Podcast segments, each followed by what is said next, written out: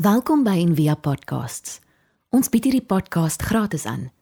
Om 'n bydrae te maak, besoek gerus ons webblad en via.org.za vir meer inligting. Ons gaan die volgende paar weke gesels oor verskeilde verslawings. Sien net dis moeilik. Nommer 1 verskeil jy kan dit nie sien nie. Jy weet dit nie. 'n Nommer 2 niemand hou van die woord verslawing nie. Daar's 'n stigma net dis meer vir junkies en alkoholiste tipe van ding. En het jy al iemand ontmoet wat verslaaf is wat sê ek het 'n probleem? Jy het nie 'n probleem nie. So dis moeilik. So daar's baie definisies van verslawing, maar almal het min of meer dieselfde waarneming of just.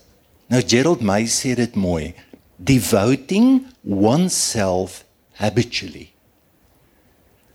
So dis toewyding van 'n aspek, 'n gedeelte van my wat aan mekaar repeteer in my lewe. As dit so is, dan wil ek sê dis deel van die menslike kondisie. Hoekom? Ons is gewoonte diere. Ek wy my gereeld toe aan idees, aan kos, aan liefde, aan 'n klomp goed. En en hoekom? Hoekom word ons hoekom doen ons goed oor en oor? Want ons glo ons gaan iets kry daaruit. So daar's twee groot redes vir verslawing. Die een is dat daar's altyd 'n verlange en 'n begeerte na diep vervulling wat jy soek. In geluk of in vrede of in iets. En dan die tweede groot rede, ons het pyn. Ons is verwond. En die maklikste manier om weg te kom van myself is om my te gee vir iets wat daardie pyn verdoof. En weet jy wat? As dit die menslike kondisie is, ons almal is verslaaf. Dis net die graad wat verskil. Weet julle mou nie heeltyd oor julle kinders met telefone, nê, nee, is 'n groot ding. Sê jy kan nou jou foon vat, maar ek dink ons moet met die ou mense ook raas. As ek so kyk na die bejaardes. As jy nou foon vat dan skroul jy na ehm um, uh uh want toe gaan jy eers voordat jy na uh, Okay, gaan nie jou foon in. Jy weet wat ek bedoel. Ek klink nou so heilig. Ek weet nie hoe werk 'n foon nie. En dan kan jy kyk na screen time en dan kan hy vir jou sê hoeveel hoe lank spandeer jy tyd daarop? Sê net maar 4 en 'n half. So hoe werk ons nou met verslawing? Sê ons 4 en 'n half jy verslaaf. 3 ure 25 minute is jy nog raai.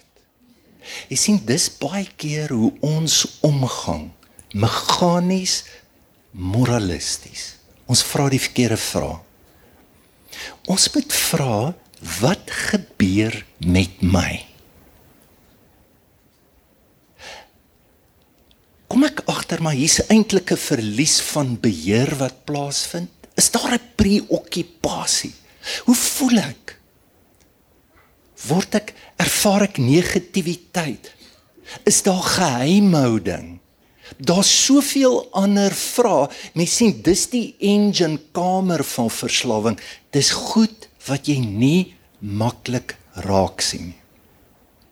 En die woord verslaaf. Daar's altyd 'n heer in 'n dienaar. En daai verhouding word versteur en hulle ruil om. En ek weet dit nie. En weet julle wat sleg? Ons lewe in 'n kultuur wat verslawing genormaliseer het. Ons lewe in 'n kultuur wat sê ons beloon jou en ons eer jou. Ons sê o, hy's 'n alkolikus. Hy die Here so nodig. Maar ons dink is great as jy 'n werkulis is wat 'n status simbool word. Daar's iets verskriklik sleg in die kultuur. En wat doen ons? Wat verkoop ons? Wat sê die kultuur? Kom kry jou thrill. Dit wat jy soek, dit ek het dit vir jou kom haal dit. Luister na hierdie skrif in Spreuke 21. Hy sê, "Are you addicted to thrills? What an empty life. The pursuit of pleasure is never satisfied." So wat is ons uitnodiging om eintlik ook die plesier die thrill in ons lewe om dit te besoek en te behandel met die diepste gebed wat daar is. Want hier's Petrus se verstaan van dit. Hy sê soos gehoorsame kinders moet julle julle lewe nie meer inrig volgens die begeerlikhede wat tevore in julle onwetendheid bestaan het nie. Kyk, kan jy sien? Ons verlang, ons begeer goed, maar ons is nie bewus van wat dit eintlik is en hoe dit werk in ons lewe nie. Ek wil net afsluit met hierdie idee ter inleiding van die reeks. Kan jy sien as jy nie bewus is van dit kan jy nie gehelp word nie. En ek wil jou vra, wat is 'n Christen vir jou? Wat is 'n definisie? Is net om in die hemel te kom. Jesus se woorde was soos in die hemel so op die aarde. Dis die vraag, hoe verander dit my hier? Gaan nie hoe goed jy die Bybel ken, hoe reg jy is en hoe verkeerd ander mense is nie. Dit gaan is hoe kan jy jou lewe sien deur God se oë? Hoe kan jy kyk na die diepste verlangens en begeertes en hoe dit jou lewe vorm? Dis die lewe en vir dit moet ek wakker word. Ontwaak jy wat slaap en staan op. Christus gaan oor jou skyn. Die lamp van die liggaam is die oog, as die oog reg is, dan is die hele liggaam verlig. Dis die pad om te kan sien wat verskuild is wat ons nie kan sien nie. Het jy gesien Jesus is baie krities oor godsdiens? En ek ek, ek praat nie nou van cults nie van enige godsdiens. Bedag sê, "Are you burned out on religion? Come to me." Godsdienst kan jou brand. Die tweede ding Johannes van die kruis, hy het hierdie mooi woorde. Nou moet jy weet die ou skryf in die middeleeue. Hy sê moenie dit waarmee jy sukkel aanval nie. So wat hy daarmee bedoel, ons ken mos die Engels what you resist will persist. So as jy sny in jou been het, dan kom jy nie en jy sê sit hom af. Kompeteer die been. Baie keer as jy sny het, wat het jy nodig het? Hulle brand partykeer die wond, laat hy ophou bloei. En so word jy gesond. watter gewoontes is daar wat jou help wat jou hart kapasiteit gee sien jy sukkel om te gee en jy gaan na 'n geestelike begeleier toe. Gaan hy vir jou sê jy jy kom jy bely sê oor ek het 50 karre.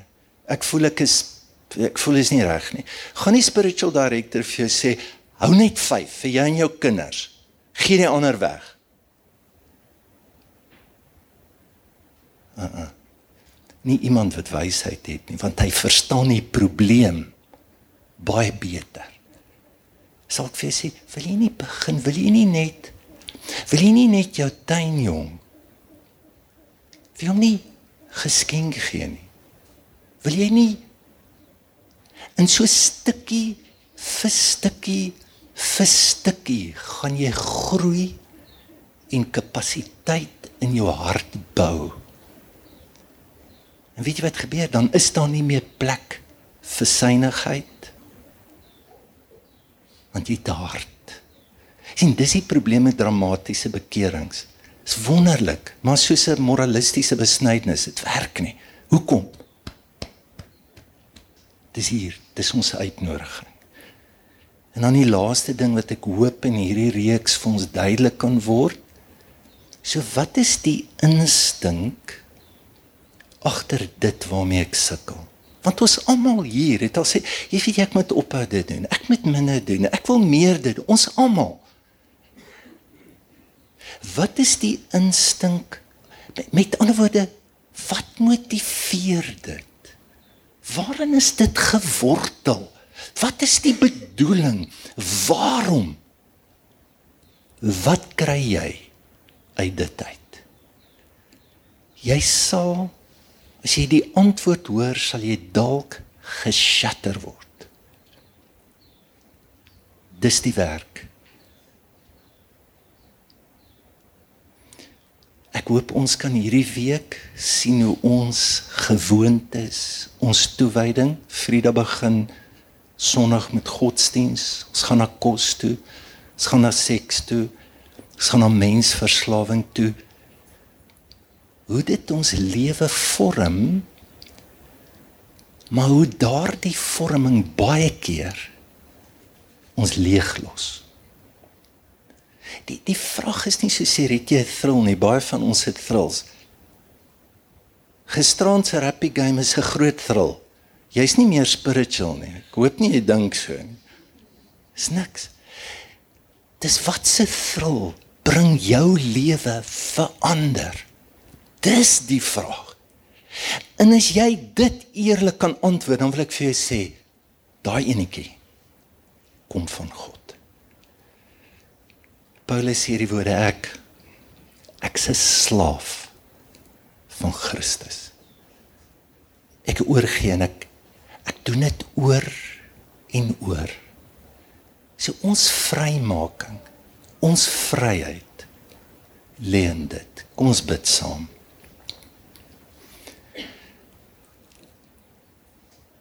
Ag Here, baie dankie vir hierdie lewe. En ek dink nou aan Gerald May se woorde to be alive is to be addicted.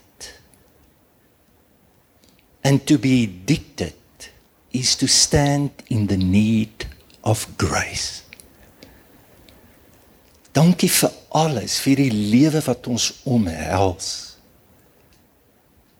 Help ons om te sien hoe dit ons vorm. Help ons ook om te sien hoe baie van ons instink, ons diepste motivering gemotiveer word uit ander plekke as u liefde. Help ons om dit te sien. En help ons ook om die absolute vryheid te ontdek wat u vir ons gee in 'n lewe met u. Amen. Ons hoop van harte jy het hierdie podcast geniet of raadsaam gevind. Besoek gerus en via.ok.za vir meer inligting.